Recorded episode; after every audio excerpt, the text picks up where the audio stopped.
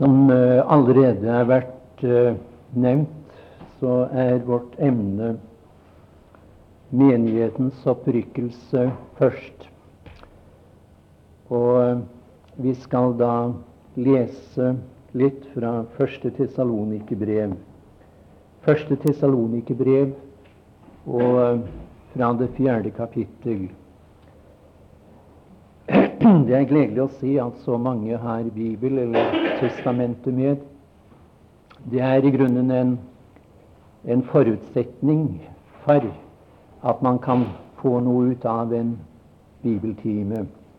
At man selv kan undersøke i Skriften om det er således som det blir sagt. Og Vi leser der fra det 13. til og med det 18. vers i Jesu navn. Men vi vil ikke, brødre, at de skal være uvitende om de hensovne, for at de ikke skal sørge således som de andre som ikke har håp. For så sant vi tror at Jesus døde og sto opp, så skal nå Gud ved Jesus føre de hensovne sammen med ham. For dette sier vi eder med et ord av Herren, at vi som lever, som blir tilbake inntil Herren kommer, skal ingenlunde komme i forveien for de hensovne. For Herren selv skal komme ned fra himmelen med et begynnende rop, med overengels røst og med Guds basun. Og de døde i Kristus skal først oppstå. Deretter skal vi som lever, som blir tilbake, sammen med dem rykkes i skyer opp i luften for å møte Herren. Og så skal vi alltid være med Herren. Trøst da hverandre med disse ord. Amen. For deres del som kan hende ikke var i vårt møte forrige uke, onsdag, må jeg nevne at vi talte da litt ut fra apostlenes gjerninger i det første kapittel og fra det sjette til det ellevte vers. Og jeg pekte da Nå skal jeg ikke gjenta så meget av det, men jeg gjør det altså av hensyn til dere som ikke var i den første bibeltimen. Vi eh, talte litt sammen ut fra dette avsnittet og fra andre ord i Skriften om at den Herre Jesu Kristi annet komme vil finne sted i to faser, to etapper. Det første som vil finne sted, og som vi venter på fremfor noe annet, vi som hører Herren til, i denne tid, det er at den Herre Jesus stiger ned til lufthimmelen. Og så skal et stort forsvinningsnummer finne sted i denne verden. Alle som hører Herren til, som er født på ny, og som har evig liv, som vi så fint hørte til en åpning, de skal bli rykket opp, de skal bli forvandlet, de skal gå inn i Herrens nærhet med ånd, sjel og legeme. Det er den første store begivenheten som forestår, sier Skriften.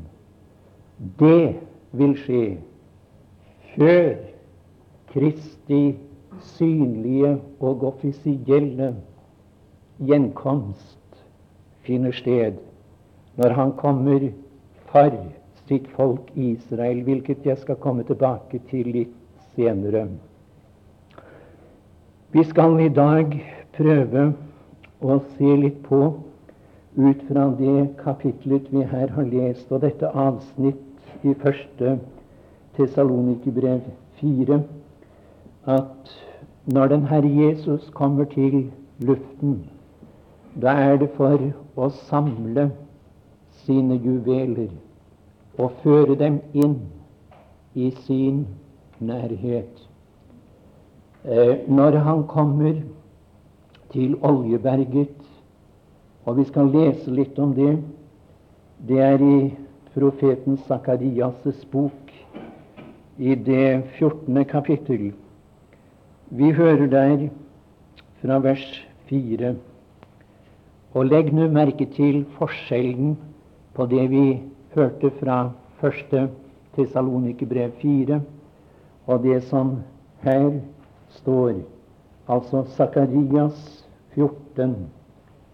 Sakarias er jo den nest siste bok i Det gamle testamentet, som kjent. Vers 4 lyder På den dag skal hans føtter stå på Oljeberget.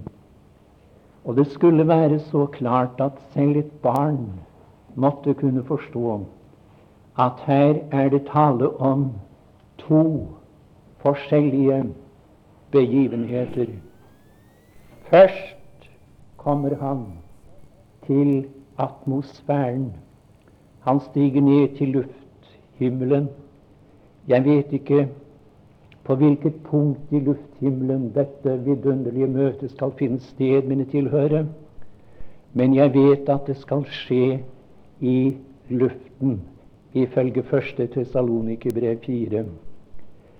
Men her heter det på den dag skal hans føtter stå på Oljeberget, som ligger midt imot Jerusalem i øst og Oljeberget skal revne tvert over mot øst og vest, så det blir en stor dal i den, den ene halvdel av fjellet viker mot nord, og den andre halvdel mot syd.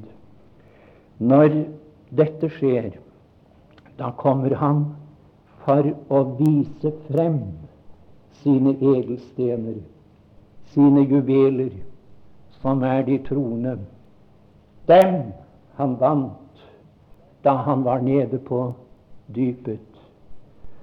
Samlet kalles denne skare i Matteusevangeliets 13. kapittel og vers 45 for den kostelige perle. Det var den han fant da han var så dypt som ingen vet. Han gikk ned til bønnen, mine tilhørere, og der kom han i besittelse av denne kostbare eiendom. De frelste, de forløste, de som skal tilfredsstille ham gjennom alle evigheter. Er du en av dem? Og jeg skulle ønske at det var noen som i denne bibeltimen i aften kunne gjøre denne overgang fra døden til livet. Den som har Sønnen, jeg gjentar, han har livet. Og dette er et evig liv. Det er kvalitet. Det er et liv som aldri tar ende. Gud være takk.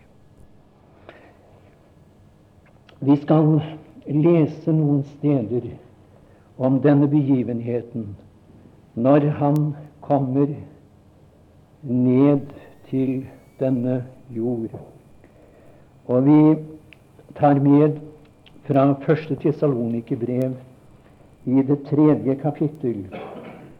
Og det er spesielt ett ord som jeg her vil understreke. Altså første Tessalonikerbrevs tredje kapittel og vers 13. For at han kan styrke eders hjerter, så de blir ulastelige hellighet for vår Guds og Faders åsyn, når vår Herre Jesus kommer med. Og jeg har streket under bare et enkelt ord i dette verset, nemlig ordet 'med'. For det er uhyre betydningsfullt i denne sammenheng. Hør nå. Første Tessalonikerbrev 4 taler om at Herren kommer for å ta oss opp, rykke oss opp, ta oss hjem. Men Første Tessalonikerbrev 3, vers 13 sier når vår Herre Jesus kommer med alle sine hellige.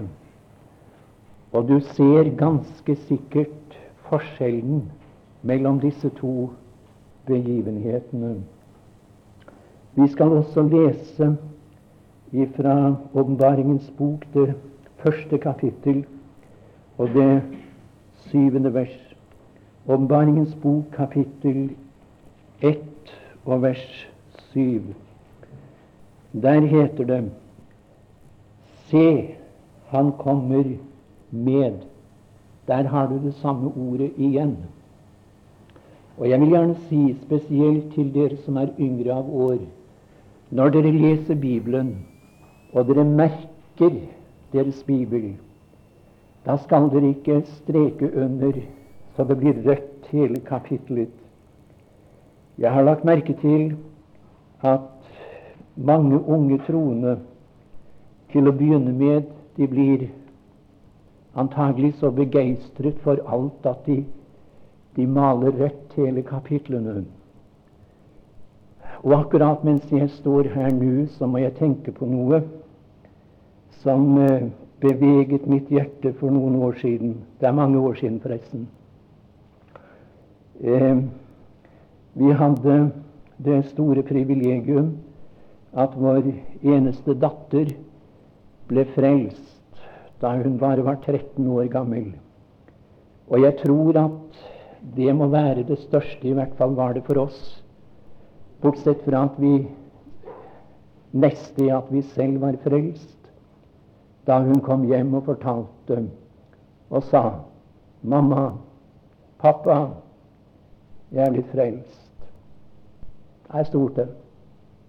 Det er stort når man blir vunnet for Herren mine tilhører i de unge år. Uendelig stort, ikke minst i dag. Når vi tenker på hvor mange det er som blir ødelagt i et liv i synd, og så hører du at de bekjenner 'Jeg har møtt den Herre Jesus'. Jeg er blitt født på ny. Jeg har fått liv i ham. Her stort det. Så uh, hendte det at jeg Unnskyld at jeg er så familiær nå, men uh, det faller seg sånn akkurat. Og uh, det hendte at jeg så litt i, i Gretes bibel. Og jeg la merke til akkurat dette der. Hun hadde streket under nesten alt. Der hvor hun hadde lest. Ja, jeg tenkte med meg selv du leser i hvert fall. Du leser Guds ord. Og det er det viktigste. Jeg tror hun har lært det nå at det er visse uttrykk som kanskje går igjen i kapitlet, og som, eh, som gir hovedtanken, som man streker spesielt under. Da blir det nemlig så oversiktlig. Gjør det på den måten. Vi leser igjen, altså Åpenbaringens bok, det første kapittel, syvende vers. Se, han kommer med. Sett en tydelig eh, anmerkning eller et strek rettere under det ordet 'med skyene', og hvert øye skal se ham. Du husker fra forrige bibeltime at jeg presiserte at når den Herre Jesus kommer for å ta menigheten hjem, vil det bli noen merkelige skyer på himmelen. Alle de troende som rykkes opp fra de forskjellige land, vil utgjøre skyene. Der står nemlig som de skal rykkes i skyer opp i luften for å møte Herren. Og jeg tror vi skal være meget nøyeregnende med eh, den bibelske terminologi. Vi skal bruke de uttrykk Skriften bruker i tale, i sang, i vitnesbyrd. Og Jeg sa forrige gang at det er ikke noen søkt tanke. Det er ikke konstruert. Eh, Hebrebrevets tolvte kapittel, jeg nevnte det. Der er de troende, de gammeltestamentlige troende, omtalt som skyer. Vi har en stor sky av vitner omkring oss. Og hør nå de skyene som han rykker opp når han kommer til atmosfæren, de kommer han med når han stiger ned til Oljeberget. Han kommer for å vise frem resultatet av sin død på Golgata kors. Det endelige produkt av at han der bukket mot døden. At han inntok vår plass under forbannelse og dom.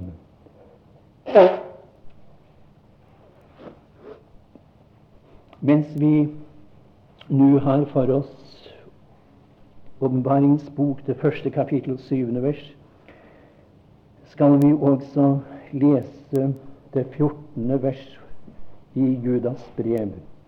Det fjortende vers i Judas brev.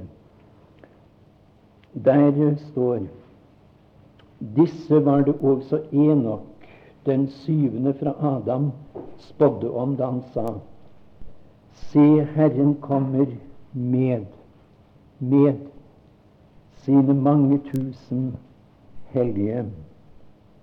Og der har du det samme ordet. Og jeg håper du allerede har merket deg det. Det kommer en dag da den Herr Jesus skal komme med sine mange tusen hellige. Og jeg tror det vil bli en ganske anselig flokk jeg tenkte på det i dag da jeg var stille for disse sannheter. Jeg tenkte på de mange barn som dør. Eh, så vidt jeg vet, regner man med at fjerdeparten eh, av de som går bort, er barn. Og ingen skal kunne komme og fortelle meg at når et barn som ikke er nådd til sjels år og alder, går bort, da går det fortapt. Nei, mine tilhørere, det går rett hjem. Direkte hjem til Herren. Det forteller Romerbrevet 5 meg, uten at jeg skal berøre det mer nå. Så har du noen du tenker på som gikk bort i barneårene, så kan du være forvisset om han eller hun er hjemme, venter deg på den lyse strandbredd. Og vi skal også ta med et sted til i denne forbindelse. Eh, nemlig første Unnskyld, annet Tessalonikerbrev, det første kapittel og det tiende vers. Annet Tessalonikerbrev, kapittel 1 og vers 10. Når Han kommer på hin dag for å vise seg herlig i sine hellige og underfull i alle de troende. Fortrodd ble vårt vitnesbyrd til eder. Han kommer for å vise seg herlig i sine hellige og underfull i alle. Jeg er glad fordi det står alle. Det betyr at også han som står her, skal få være med. Det er så mange pletter ved mitt liv i denne verden, dessverre.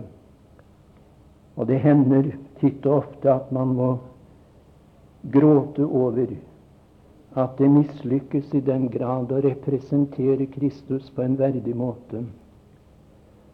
Og Jeg vet ikke hvordan det er for deg. Jeg tror forresten jeg vet det. Jeg tenker det er den samme erfaring du har som jeg. det er ofte at det kniper med å leve som en verdig troende i hjemmet. Det lyder paradoksalt, jeg er oppmerksom på det. Men ofte så snubler man, så forgår man seg. Så sier man noe kanskje i en tone som ikke er en trone verdig. Og jeg vil åpent si det i denne bibeltimen. Det har hendt ikke så sjelden at jeg har måttet gå for å være alene med Herren og si Herre Jesus, her har du en dårlig representant. Jeg burde gi mitt liv mer til deg, burde ta mer hensyn til deg. Kjenner du deg igjen? Og jeg skal si deg Kristus skal få noe fint ut av oss. Han skal vise seg. Han skal æres og beundres gjennom sitt verk. Djevelen, denne gamle slange fra Edens hage, skal måtte finne seg i å se hva Kristus har fått ut av synderen som lot seg frelse, som ble født på ny. Jo, vi skal bli fine en dag. Vakre. Han skal vise seg herlig i sin hellige. Det er gjennom sitt produkt kunstneren blir beundret. Det er gjennom sitt verk arkitekten blir æret. Jo, han er kunstneren. Han er arkitekten. Og det skal bli et fint byggverk, sier Åpenbaringens bok, det 21. kapittel.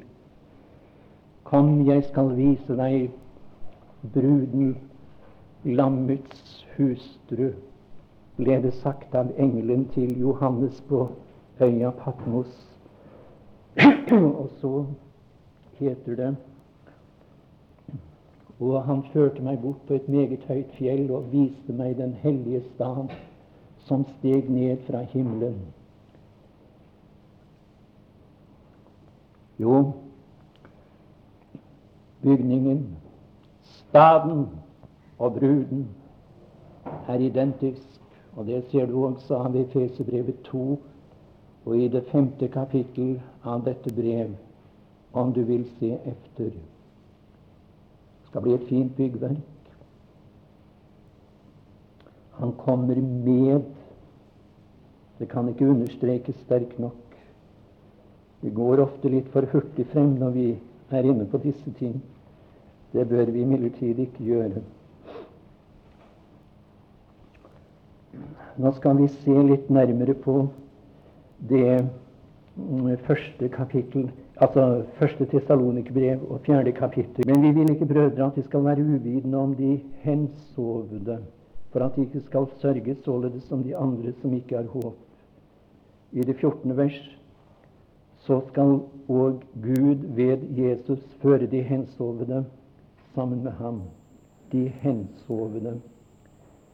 Eh, likeledes i vers 15 Inntil Herren kommer, skal ingen lunde komme i forveien for de hensovne.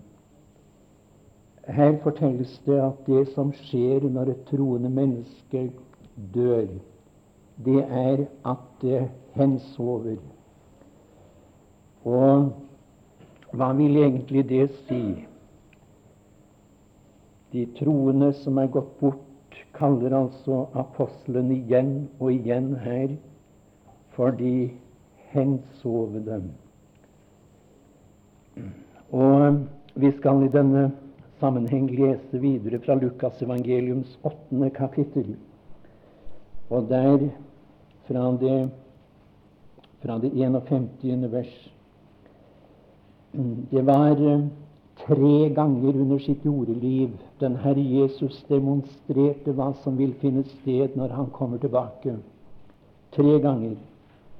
Du kjenner til de tre gangene. Det var eh, enkens sønn av Nain, som er omtalt i det syvende kapittelet hos Lukas, og den unge pike som vi her leser om, en pike på tolv år som var død. Og likeledes i Johans evangeliums ellevte kapittel eh, Lasarus, denne elskelige bror i Betania. Og vi leser her om, om denne unge pike, Lukas 8 fra 51. Da han nå kom inn i huset, lot han ingen gå inn med seg uten Peter, Johannes og Jakob og pikens far og mor. Og alle gråt og jamret seg over henne. Men han sa, gråt ikke. Hun er ikke død. Hun sover. Hun sover.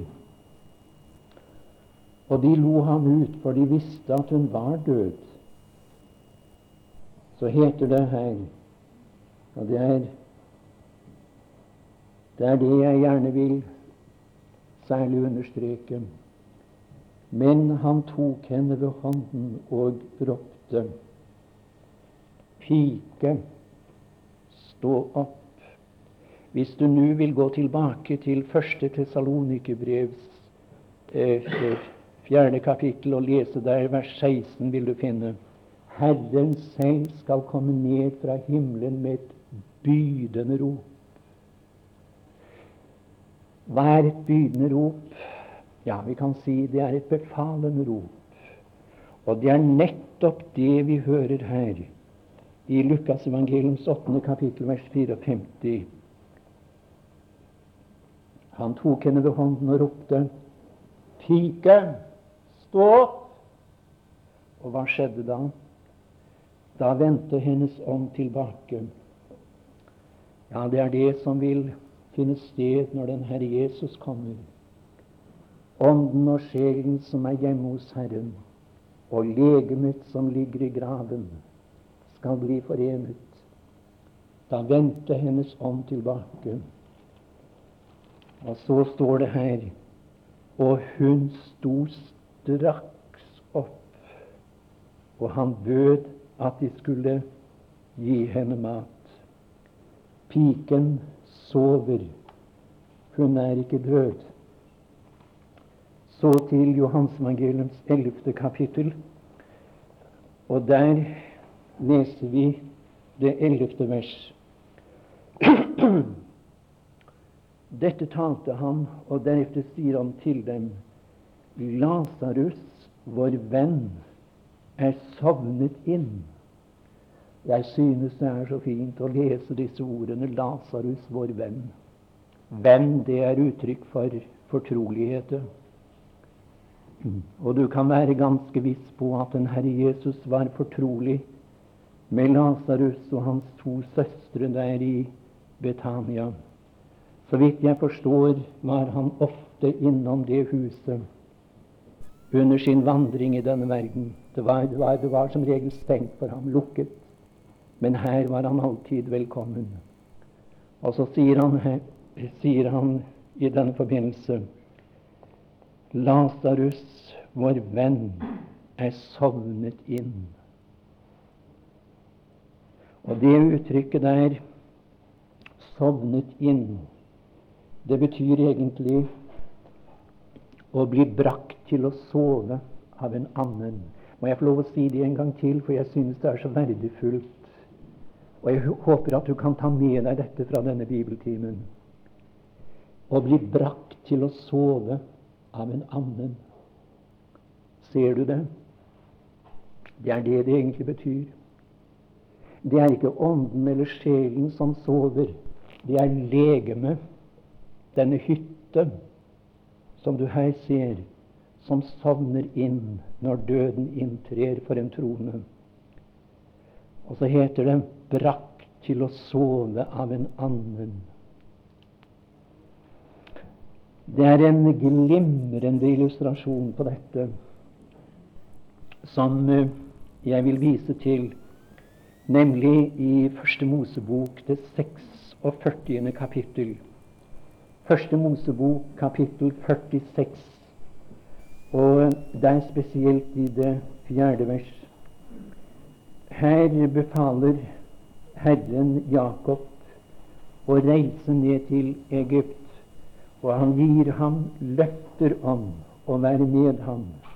Han sier, 'Frykt ikke for å dra ned, for der vil jeg gjøre deg til et stort folk.' Så kommer vi til det fjerde vers, og lytt nå til. Jeg skal selv dra med deg til Egypten. Jeg skal visselig også føre deg opp igjen. Og så kommer den. Ja, det gjorde meg usigelig godt i dag å lese disse ordene. Og Josef skal lukke dine øyne. Og Josef skal lukke dine øyne. Tror du det var trøst for den gamle Jakob å få denne hilsen fra Herren?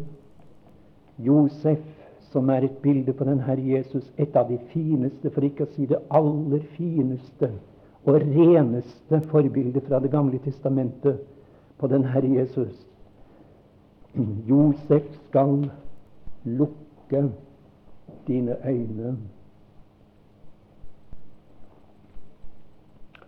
Og så skal vi igjen lese Johans evangelium, det ellevte kapittel og ellevte vers.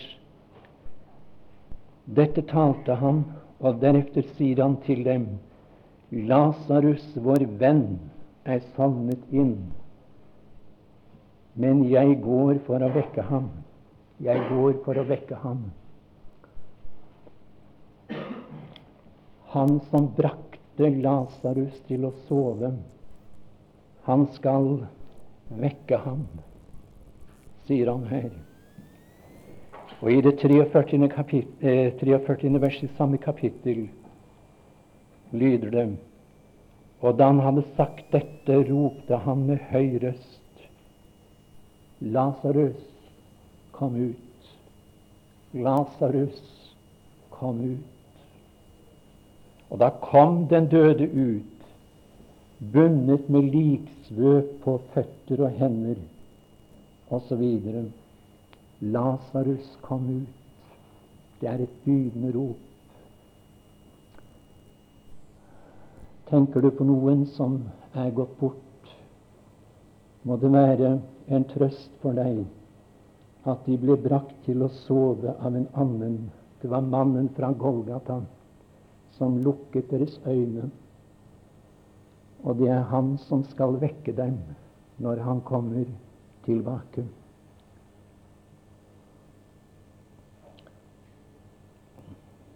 Det heter her at de døde i Kristus skal først oppstå. Med andre ord det er de som er gått bort, de som er gått hjem via døden og graven. Det er de som har førsterangen når den Herre Jesus stiger ned til luften og bortryttelsen finner sted. De døde i Kristus skal først oppstå.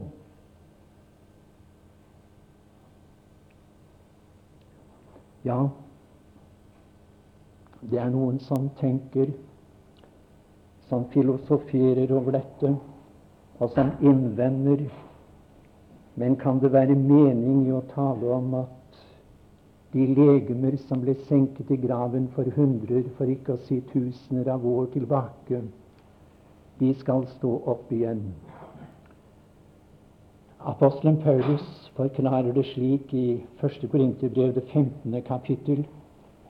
Han sier at legemets død og begravelse kan man sammenligne med et korn som blir lagt i graven.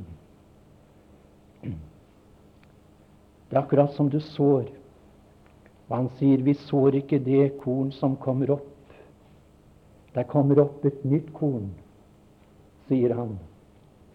Og dog er det en forbindelse mellom det korn som såes, og det korn som kommer opp. Ikke sant?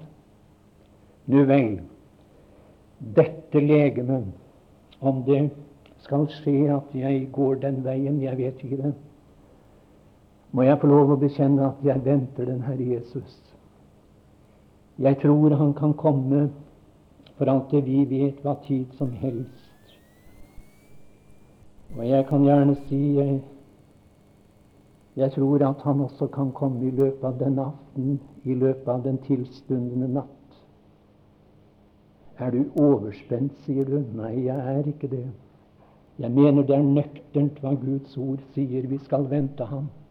Vente ham.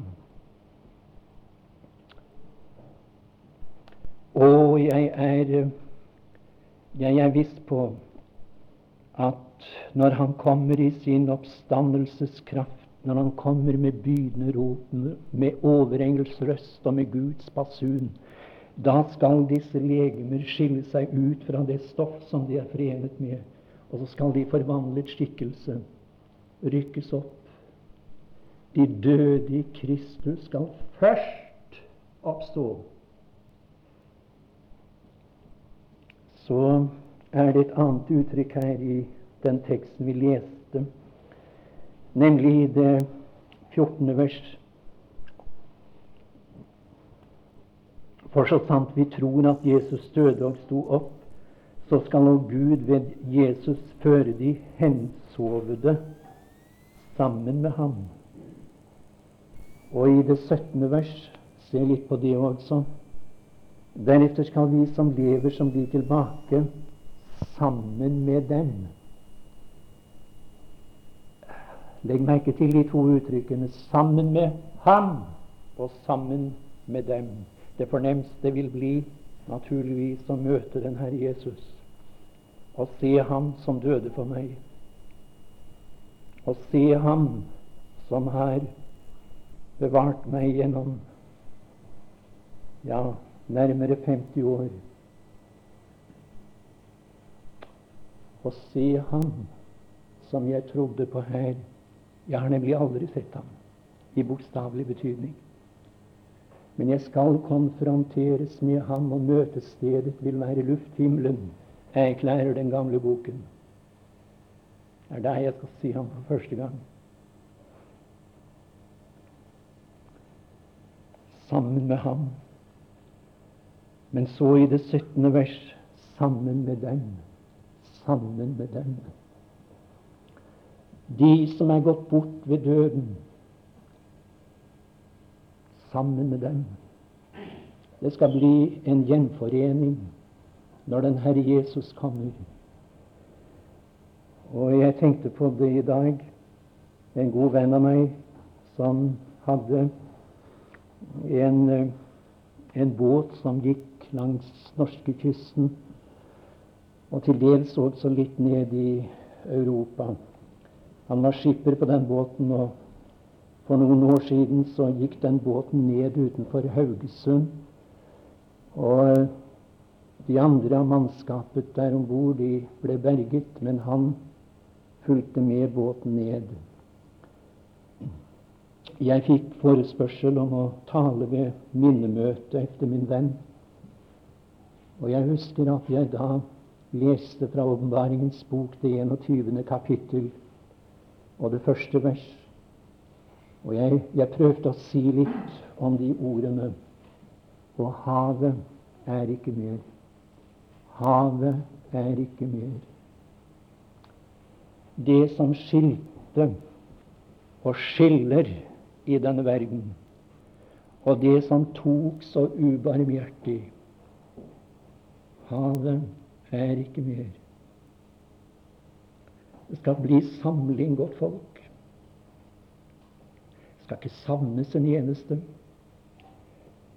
Det skal bli som vi leser i, i 1. Samuels bok, det 30. kapittel, da David gikk mot Siklag og, og, og kom tilbake med byttet der. Så står det at de gikk foran og ropte 'Dette er Davids bytte!' Dette er Davids bytte. Og jo, han skal få et bytte, den Herre Jesus, når, når de er samlet når han fører dem inn i brudekammeret, inn i sin umiddelbare nærhet. Når frelsen er komplett, når ånd, sjel og legeme er forenet og er fullkommen frelst. Dette er Davids bytte. Og så heter det der Man savnet ikke noen, verken liten eller stor, verken sønner eller døtre. Nei, han skal nok sørge for å bringe dem hjem, alle sammen. Føler du deg svak? Jeg presenterer en frelser for deg i aften som spesielt tar seg av de svake. Ja. Når du er i Hans hånd, da er du trygg. Han skal føre deg vel hjem. Jo, han må ta oss opp før han kan vise oss frem. Det er to forskjellige begivenheter ifølge Skriften. Vårt fremtidsperspektiv er lyst. Godt folk. Han kommer. Han kommer snart. Ja, vår Gud, vi prøver å si deg takk fordi vi en dag fikk møte deg, så mange som hører deg til. Vi fikk møte deg i din elskelige sønn. Vi fikk møte deg ved Golgata. Jeg takker deg for den første gang i mitt liv da jeg hørte disse vidunderlige ord. Dine synder er deg forlatt. Jeg takker deg fordi vi skal få se frem til den dagen vi skal få uttrykke vår takk på bedre vis enn vi kan i dag, fordi du døde for oss. Og jeg skal møte deg med de ordene. Takk at du ga deg selv for mine synder etter Skriftene. Nå kjenner du og vet om hver enkelt som er her i aften, og som har lyttet til ditt ord. Herre, jeg ber deg, La det lykkes at det kan følge oss, at det ikke bare blir et møte fordi vi skulle ha et møte eller en bibeltime, men at Den hellige ånd som har tatt bolig i oss, må feste disse sannheter i vårt sinn, så vi kan glede oss over det og se frem til med glede, med trøst og forventning at du kommer.